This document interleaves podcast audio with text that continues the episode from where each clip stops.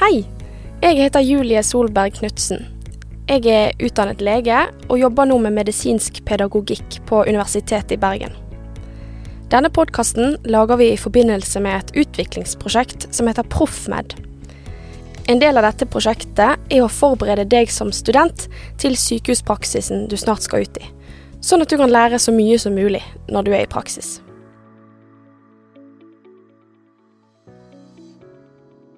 Denne episoden handler om temaet skam. Edvin Skei, lege og professor på medisinstudiet i Bergen og leder for ProffMed-prosjektet, skal snakke med Beth Whalen, som er fra Newfoundland i Canada. Beth er psykolog og førsteamanuensis på Memorial University. Edvin og Beth har jobbet en del sammen om temaet skam, og har òg publisert en artikkel hvor materialet er medisinstudenter sine historier om skam. Hi, Beth. It's good to have you here in Bergen. And you've been with us for many weeks now in this project where we look at medical students during their clinical placements and uh, what's, what happens to them and how they react and how this affects learning. And Yes. today you are going to share some of your thoughts and insights about shame. Yes. Why is right. shame such an important feeling when it when we're talking about learning clinical stuff, learning to be a good doctor? Right. Thank you, Edwin. And thank you for inviting me to Bergen and inviting me to participate in this project. Really looking forward to the work, and I've enjoyed my time so far in Bergen and in Haugesund, where the project is going to take place.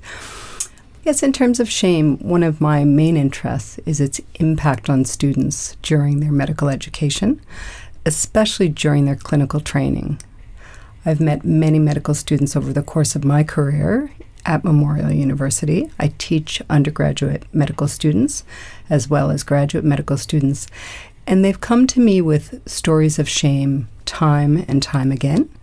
And of course, as a clinical psychologist, this really piqued my interest. Why is it that these medical students keep coming to me and speaking about shame events when the psychology students I teach do not, and other students I teach do not? It seemed to be a phenomena that was within the context of medicine, but not other health professions, which really hmm. struck me. That's very interesting. Yeah. And now you have the explanation. Maybe we should mention that a reason for us talking about this is that we have interviewed medical students from Bergen two years ago, and we just recently published a paper on shame in medical education. So we are kind of experts. But what did we learn? How do you explain that difference? Right. Well, we learned many things in that paper that's published in Perspectives in Medical Education. And I think one of the main things we learned from the students in Bergen is that shame is pervasive during their medical education. That means it's all over the place. It's all over the place. And every student we met with had a story about a shame event that happened during their clinical placements. They told us about not being greeted by doctors, for example. I want to just put in here that for our listener, they may not easily think of uh, an, a shame event in their own life, and I don't think that maybe maybe a minority of the students that approached you with shame experiences had realized that it was shame. Maybe they had a, a mixture of feelings. Maybe they didn't know how to name it. Hmm? So That's it's, right. it's sort of your interpretation that it is shame. That's right. And many people don't really know what the difference is between, say, shame and humiliation, or humiliation and embarrassment. And that's one of the things we explored in our study. And I think we helped the students to understand the difference between shame and humiliation through our inquiry, our questions, our discussions. Yeah. So you were you were giving an example Yes. and it, it's a, it's about greeting. We found greeting to be surprisingly important, and we will say a little bit about it. Um, but I can also sort of say that uh, when we are in something that can be called shame, we feel that there is something wrong with us. When I feel shame, there is something wrong about me, and I don't necessarily look at that feeling and give it a name. It's just very painful Right. it's sort of being totally without any value and you want to disappear.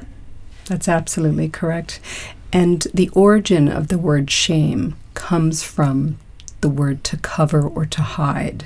So that's exactly what these students do when they experience this feeling of shame, which you've identified as being very painful. And it's a feeling of being unworthy and globally deficient.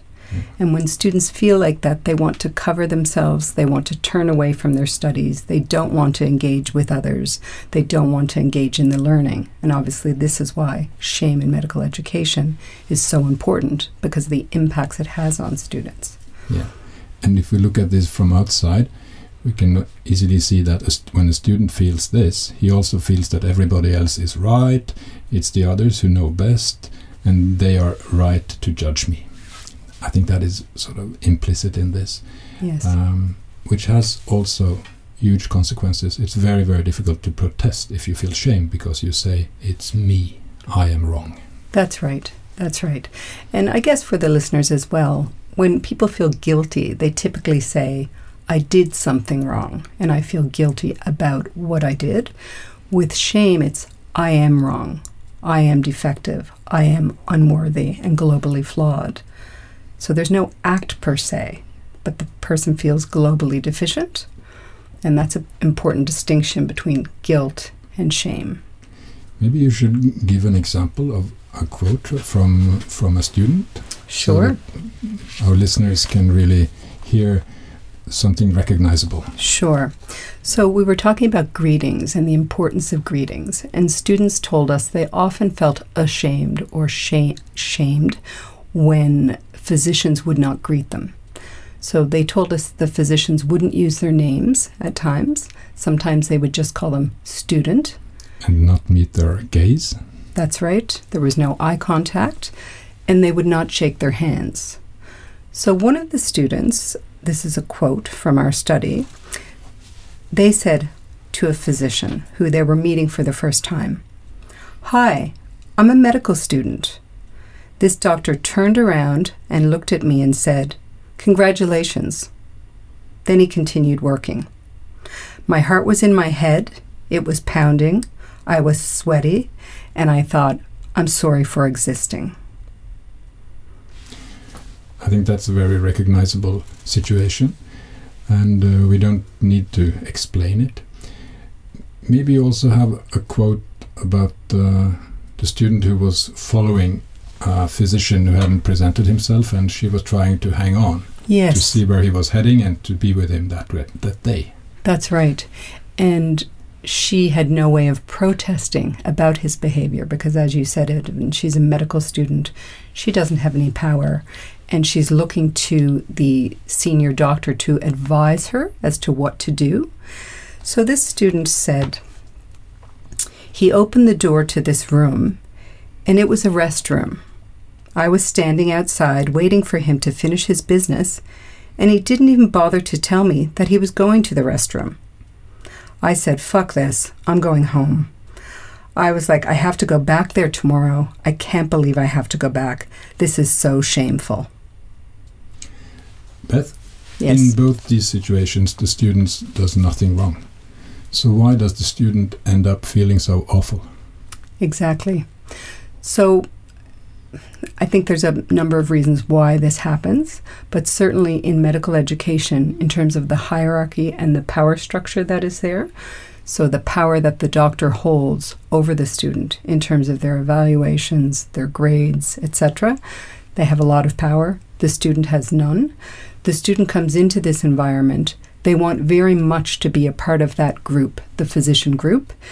And I think they are not able to challenge the group or authority because they're so afraid of not being accepted into that group. So students end up, they know intuitively that this is not right. They can tell us this behavior is not right, but they so much want to be a part of that physician group that they will not protest. Hmm. And this is how most physicians end up acting in this way, as this doctor did. Yeah, because both these doctors have been students themselves. That's right. Uh, but we see that as humans, we copy behavior That's without right. reflecting on it, and we can end up doing things that were awful when others did them to us. That's right. So I want to move on now. Uh, we have given examples and explained what happens. Mhm. Um, but maybe somebody would ask, so what could we do? Um, I think one thing is to be prepared for this, Mhm. and then to be a little bit analytical and think about it. In these examples, um, there is no way we can say that the student did something wrong. So maybe in situations where one feels this kind of shame, we should look for a different point of view. Maybe a different feeling would be more adequate. Yes. Maybe if somebody treats you that badly, it is in place, it's okay to feel anger. Mm-hmm. Mm-hmm. It may still be impossible to convey that anger to that doctor, Mm. who usually also acts in good faith, Mm-hmm. but at least um, try to find somebody to talk with, and preferably a fellow student, and talk about this and say, This isn't correct, this isn't a good way they treat us Mm-hmm. when, when these things happen. Yeah.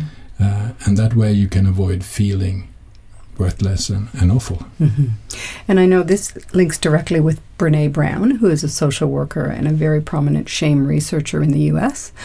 And she states repeatedly that when we share our shame stories, it lessens the burden. And I think, Edvin, you and I have experienced that. We've run a couple of shame workshops together now for undergraduate medical students where we've asked the students to pair up with someone to think about a shame event that happened during their education. And then they share that shame event with their partner. The partner listens deeply, and then they reflect on what happened. And without fail, most of the students who actually shared what had gone on in those little dyads said that they felt relieved, they felt unburdened, they no longer felt shame about them, and they were actually able to see what had happened in that interaction between them and the physician or them and the nurse, whoever it was. They could see it much more clearly, and they were able to, like you said, have some other feelings, perhaps some anger about what had happened, um, maybe some embarrassment, but it was much more complex than just feeling I'm flawed, I did something wrong. Yeah, So I think have- these conversations are really important for the students to have. yeah, and we have seen people cry and laugh. And hmm laughter is wonderful hmm in, in this kind of situation. Yeah. So the and the other thing that is important when we think about shame and how it affects us and and how we learn to avoid it, because this is one of the most painful feelings one can have, and we strongly try to avoid it. Yes.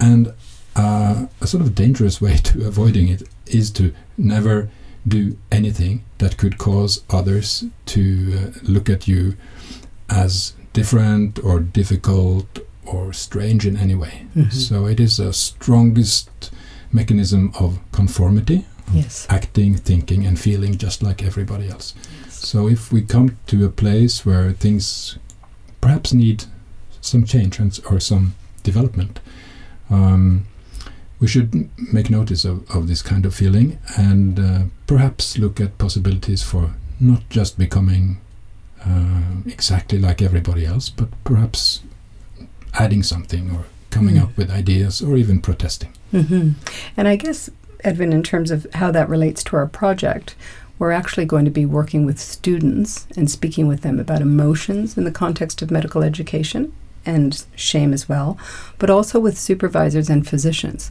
So we're coming at it from the student's perspective and also the supervisor's perspective. And we're hoping that because we're doing it in that way, they'll be able to have conversations with each other and amongst their own peer groups. So that's one of our hopes for the project is that we can make change in that way. Yeah. And now, having talked about these sort of dark sides of reality, I want to say, as uh, a final um, consolation for the Mm. listener, that this isn't that frequent. Uh, this is not going to happen every time. And um, it also often is totally uh, not intended by anybody. So it's not directed against you as a student. And all these things can help you sort of live with it and uh, you should enjoy all the times when you meet supervisors who look you in the eyes, use your name, and talk to you about what you need to learn and how they can help, because that's going to happen a lot. Absolutely. I guess another piece I'd like to add, Edvin, in terms of the students who might be listening to this podcast, William Bynum from Duke University. He has a conversation. It's online. It's called the Shame Conversation. And it's about shame in healthcare. And I think it would be a wonderful resource for students who are coming into their clinical work placements. So it's called The Shame Conversation by William Bynum, and you can find it online. Yes. Thank you very much, Beth. You're very welcome, Edvin. Thanks for having me. Hør på de andre episodene i denne podkastserien, så får du med deg flere gode tips til du skal ut i praksis. Og du, lykke til.